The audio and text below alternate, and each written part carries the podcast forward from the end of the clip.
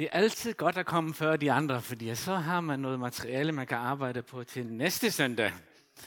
Ja. Det har været en lidt speciel øh, forberedelse det her, fordi at øh, for mange af jer har jo øh, kendt mig i en del år, og har hørt historien igen og igen, og øh, andre kender mig ikke, så det er sådan at finde sådan en eller anden øh, balance i, hvad skal jeg fortælle, hvad skal jeg ikke fortælle.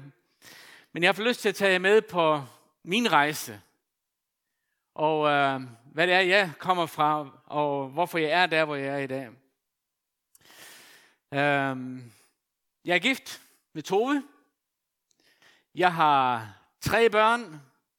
Nogle siger, to har fire. Og øh, så har jeg fem børnebørn.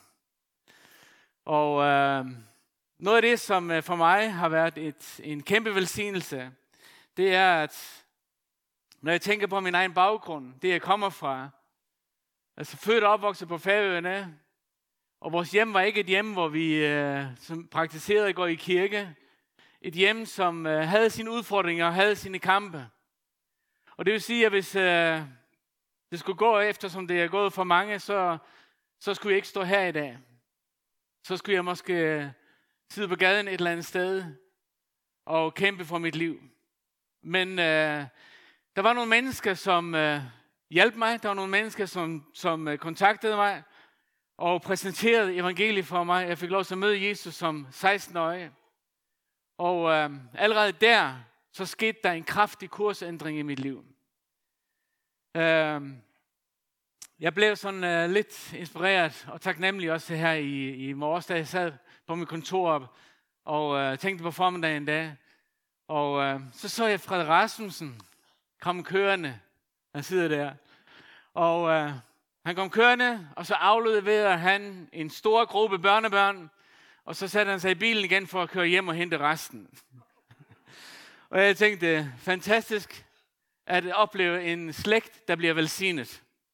Og at øh, ens børn og ens børnebørn har lyst til at øh, følge det, man tror på, og det, man har givet sit liv til. Og, øh, og det er dybt taknemmeligt for os, at vi får lov til at opleve vores familie, at øh, vi har børn, som i dag har valgt at gå den samme vej, som vi har gået.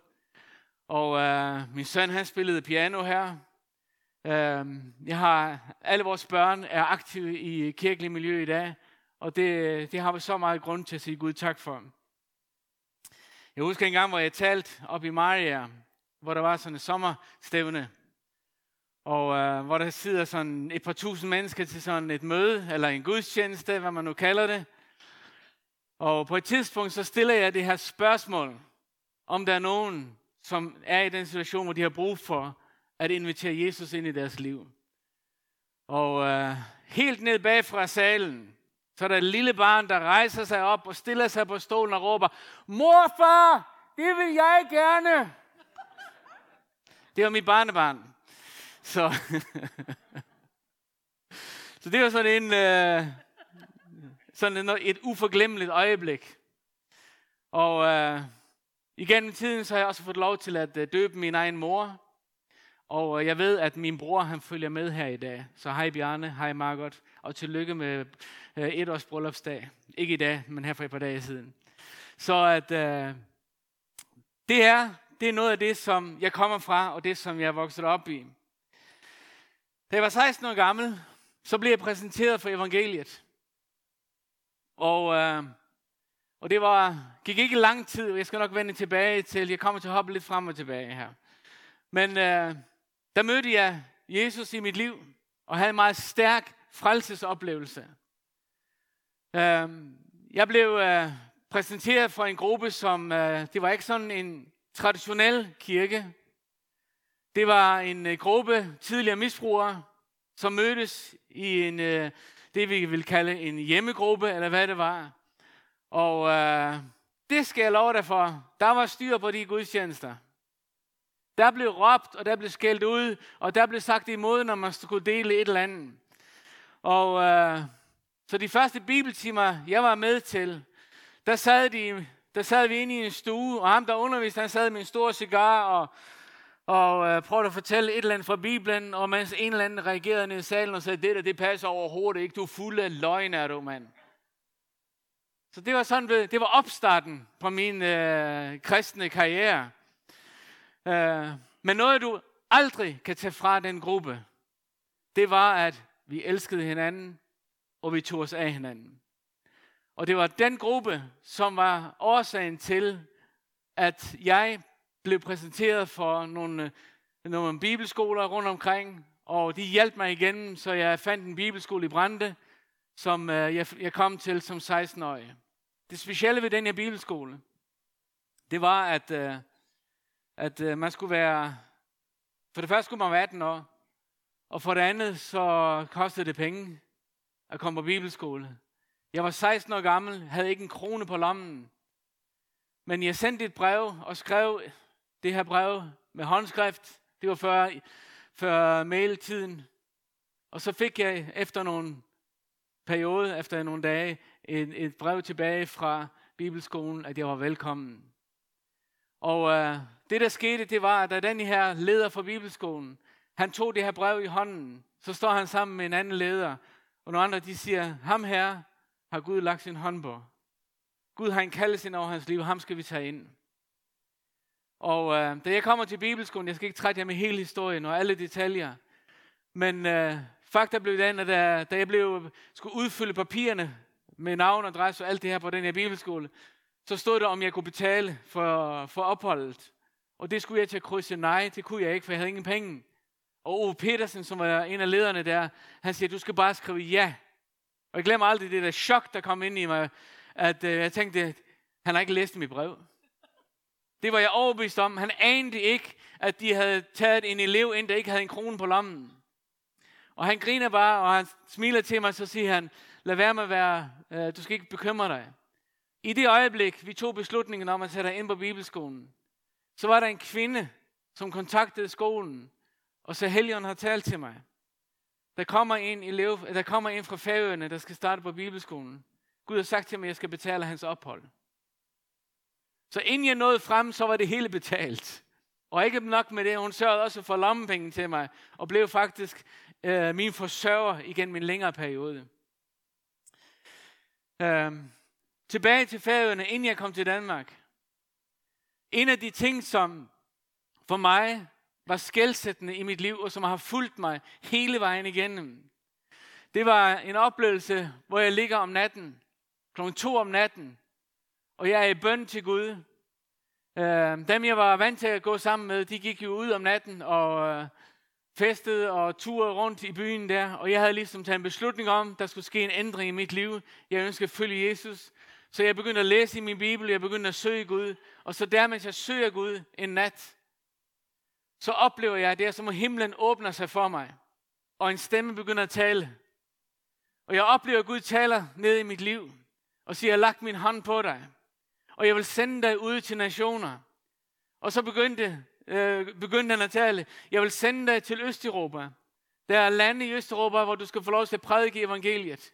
Jeg vil sende dig til Afrika. Jeg så mig selv stå foran tusindvis af afrikanere og prædike evangeliet. Og Gud talte om, du skal, jeg vil sende dig ind i Asien. Og jeg vil sende dig til Kina. Og det var en, altså der, da, vi, da vi øh, var børn og hørte om Kina, det var sådan, at jeg skulle bare ikke til Kina.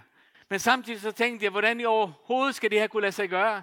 En lille dreng på 16 år, i et hjem, som har sine udfordringer, og så opleve, at Gud skulle kunne åbne en dør for mig, til at komme, øh, og så alt det her, det kan blive opfyldt. Så for mig så det håbløst ud, men alligevel, så er jeg heldigvis skabt med den evne, at jeg nogle gange tror på det, jeg hører. Og det vil sige, at jeg tænker nogle gange ikke altid for meget over tingene. Jeg gør det bare. Og øh, så da jeg havde den her oplevelse, så oplevede den her begejstring. Jeg styrtede ned til øh, lederen for den her kære kirke, som jeg fortalte om, og fortalte, at og min sætning, første sætning var, jeg skal ikke arbejde. og øh, det jeg mente, det var, at jeg skulle ikke have et almindeligt arbejde, jeg skulle tjene Gud resten af mit liv.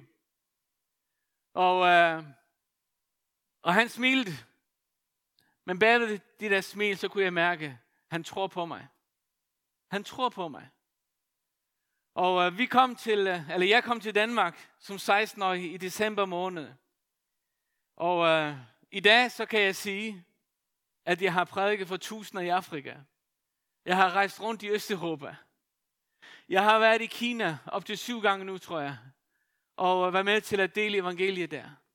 Få lov til at se mennesker blive helbredt, se mennesker blive udfriet, se mennesker opleve Guds kraft.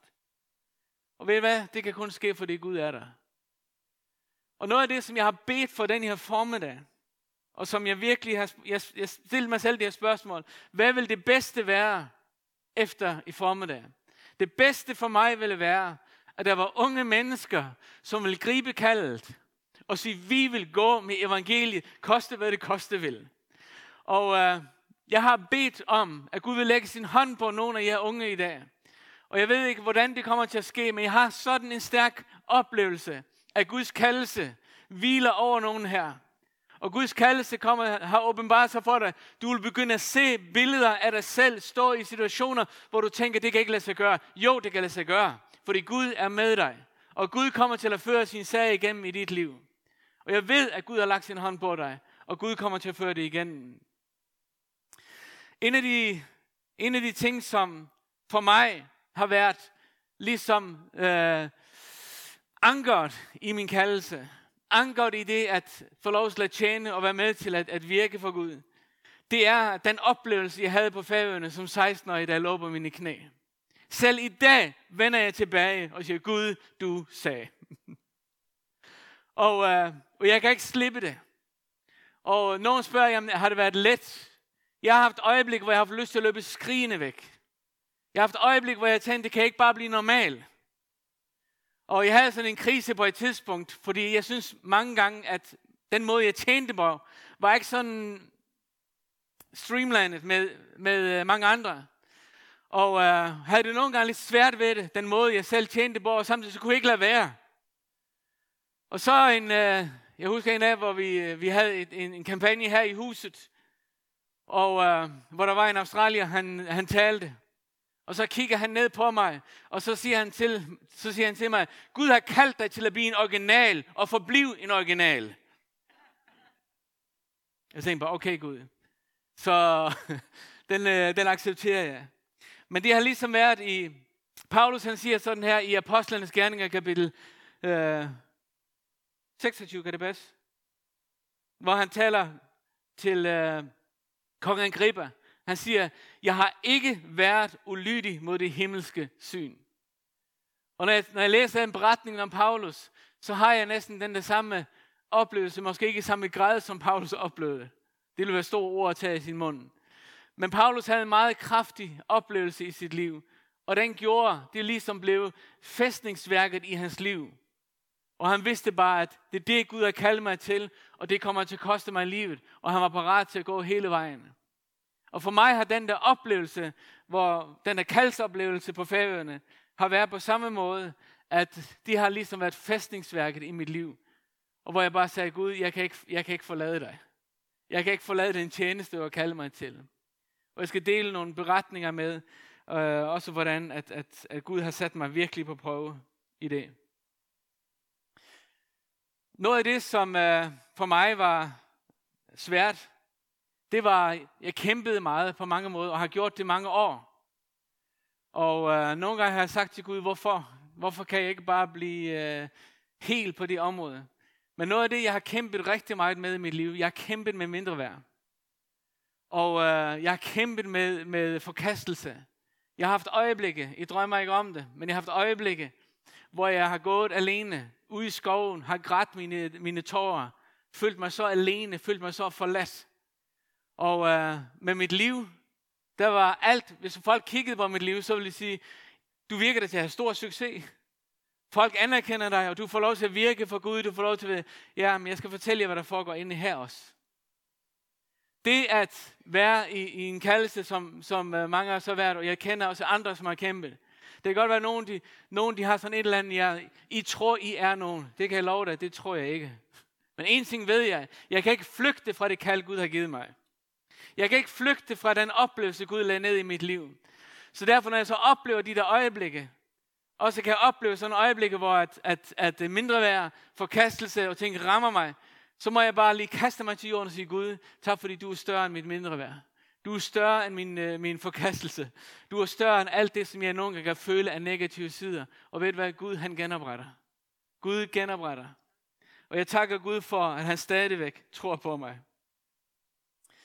Øhm, jeg fik et ord meget tidligt i min tjeneste fra Filipperbrevet kapitel 1 vers 6. Og det har jeg haft uh, skrevet i mit hjerte.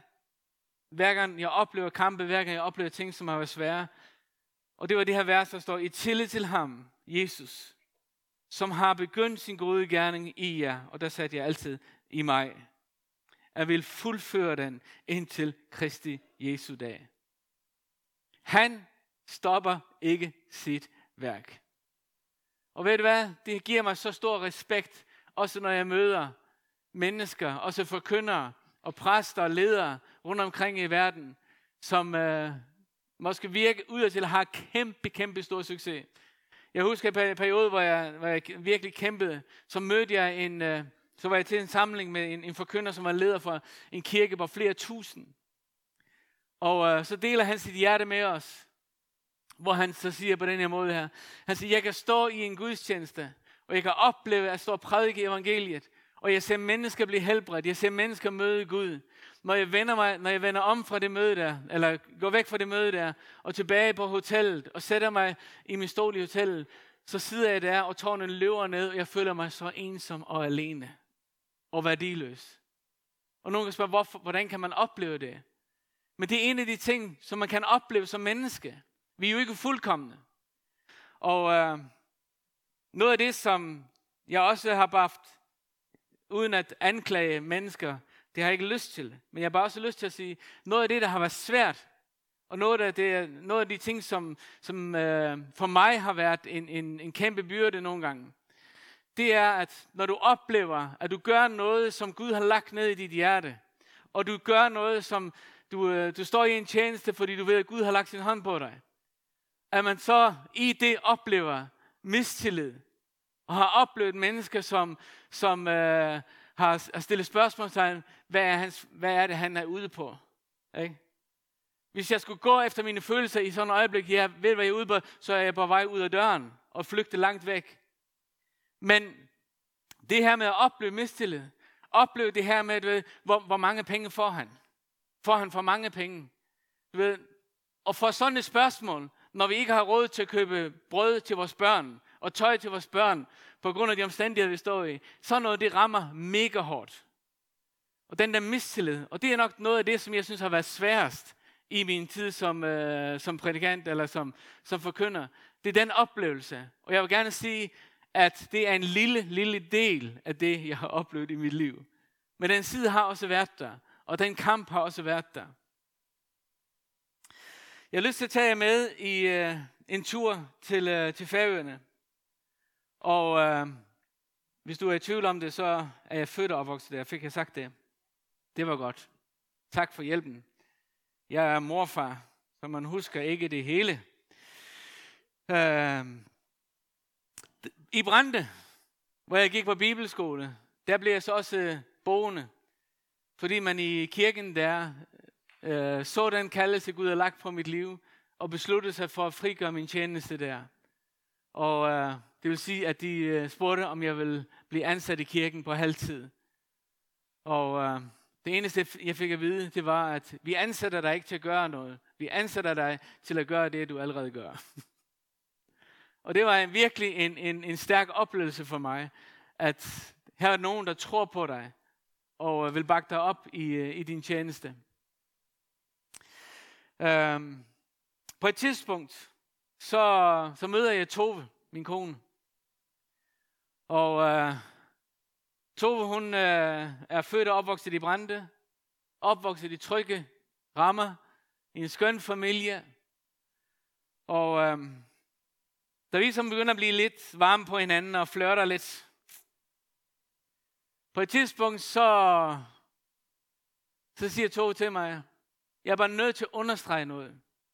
Hvis du skal være min kommende mand, så skal du love mig, at vi aldrig skal til Færøerne at bo. Og jeg sagde, jeg lover. øh, da vi har været i gang i tjenesten i et stykke tid, så er der et ord, når hver gang jeg åbner min bibel, så er det ord, der springer op i mit hoved.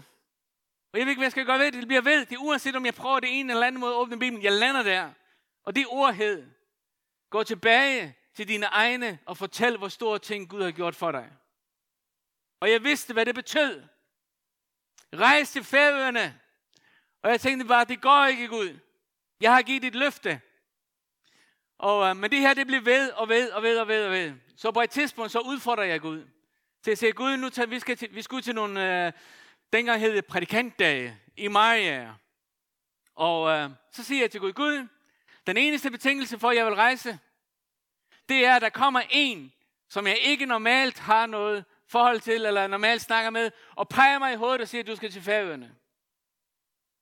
Så vi tog til prædikantdagen i Maja, og jeg tror, det var sådan tre dages tid. Og der skete ikke en dyt. Og jeg tænkte, bare, fint. Gud, det var min prøve til dig. Så, at, øh, så da dagen var over, så pakker vi sammen, og jeg springer ind i bilen, og vi begynder at køre, og pludselig siger jeg, stop, jeg har glemt min bibel. Og øh, de stopper bilen, og jeg løber tilbage til det lokale, hvor vi har været i, og jeg tager min bibel, og jeg står ved dørtærsklen ind til det rum. Og da jeg står på dørtærsklen, på vej ud af rummet, så er der en, der kommer og peger mig lige i hovedet. Du skal til færøerne. Og jeg havde en kæmpe, kæmpe udfordring. Og jeg tænkte bare, åh oh Gud, du har en endnu større udfordring. Det er min kone. Hun er midtjyde. Og uh, Tove elskede tryghed.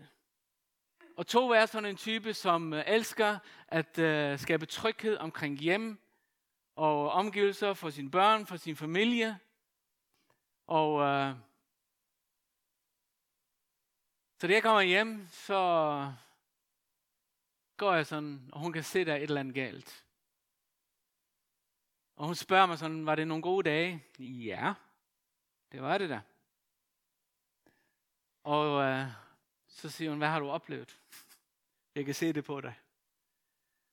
Og så deler jeg min oplevelse med Tove. Jeg, jeg ved ikke, hvad jeg skal gøre ved det, men det er det, som jeg har oplevet. Så kigger hun på mig, og så siger hun, så lad os rejse. Tænkte jeg, hvad? Så fortæller hun sin historie, som jeg ikke vidste noget om. Det var samtidig, mens jeg gik og kæmpede, så havde hun oplevet, at det ene ord fra Bibelen kom op i hovedet på hende. Og hun vidste bare, at Gud talte til hende om, du skal rejse til færøerne. Og hun kæmpede en voldsom kamp. Hun sagde, Gud, jeg vil ikke. Jeg vil ikke, Gud. For jeg vil være her. Og øh, så på et tidspunkt, så blev hun så frustreret over det, så hun ville ikke læse Bibelen, så hun lagde Bibelen fra sig. For det forstyrrede for meget. Og så tog hun sådan et rejsekatalog. Og så sad hun med det her rejsekatalog, og så bladede hun fra bagsiden. Og bladede op, og så står det med stor skrift, han er jo to sider. Rejs til færøerne og tag sjælen med dig.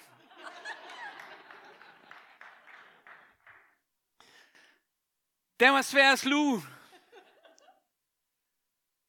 Problemet var bare det, der var ingen, der spurgte os, om at komme derop. Men der gik ikke mange minutter efter det, så havde vi en i telefonen, som spurgte om, vi lige overveje at komme til Færøerne. Og vi vidste bare, at det skal vi. En af de ord, som blev meget, øh, som Tove på en særlig måde fik, det var et ord for ordsprogenes bog. Kapitel 1, vers 33. Men den, der adlyder mig, bor trygt. ikke? Det er et fantastisk ord for, for en mor, for en, som har brug for tryghed. Og vi fik en fantastisk tid deroppe.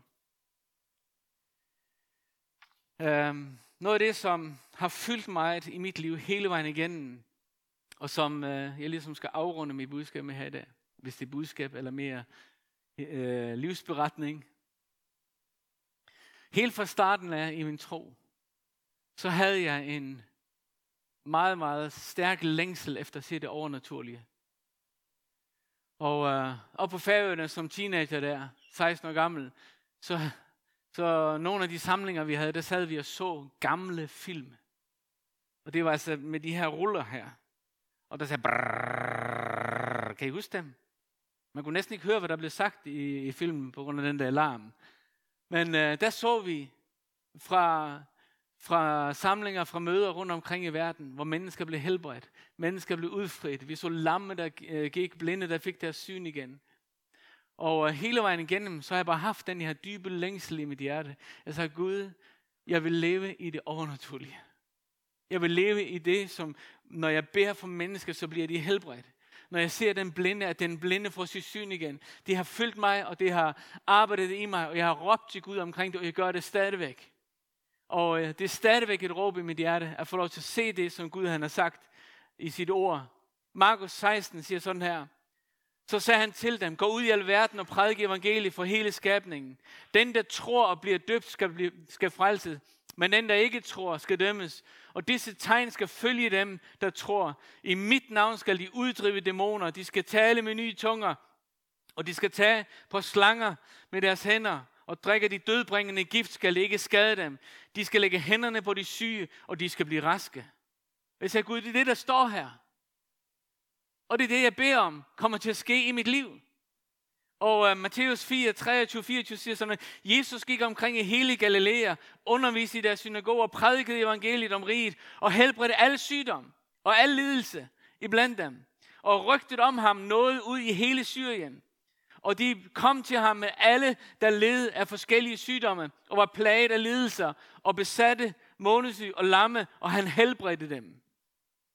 Det er det, der kendetegner Jesus. Og jeg sagde, Jesus, jeg beder om, at det også kendetegner mig. Kendetegner mig.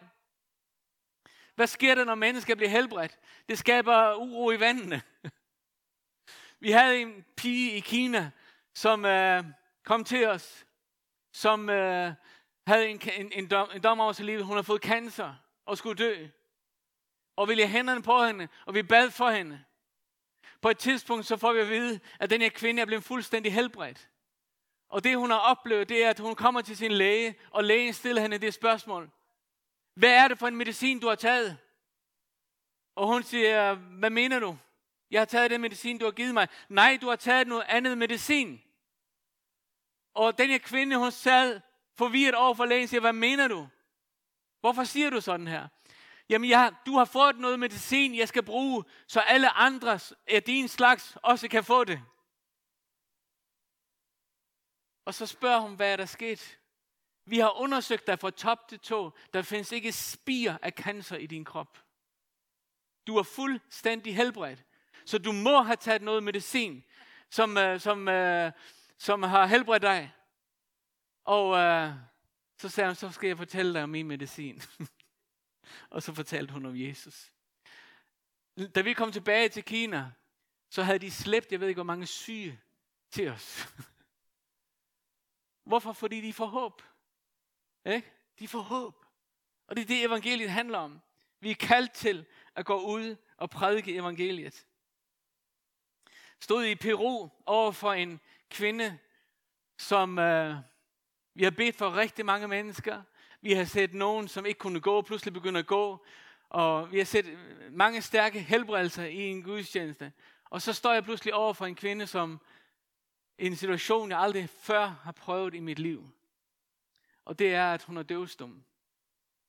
Og de prøver at kommunikere til mig. Uh, og jeg prøver at kommunikere til hende, og det viser sig, at hun aner ikke, hvad der foregår. Men hun ser bare mennesker blive helbredt, og hendes mor bringer hende til os. Og, øh, og jeg beslutter mig for, at jeg skal bede for hende. Og du ved, når man ikke har set det ske, altså jeg ved ikke, hvordan du vil have det, men jeg kan godt sige dig, jeg var lidt nervøs. For jeg ville ikke udstille hende, jeg ville ikke øh, på en måde skuffe hende. Så at, øh, jeg tænkte bare, Gud, du har gjort det andet, så gør du det også her. Så jeg sagde bare, i Jesu navn, du døve og stumme kom ud i Jesu navn. Og der skete ikke en lyt. Og øh, så tænkte Jesus, hvad sker der? Hvad skal jeg? Og så kom jeg i tanke om, at Jesus, han også havde bedt for en to gange. At det virkede ikke første gang. Så øh, Jesus han gjorde det også to gange. Så tænkte jeg, jeg gør det også igen. Og så kom igen. I Jesu navn, du døver stummeren, kom ud! Der skete ikke en dyt.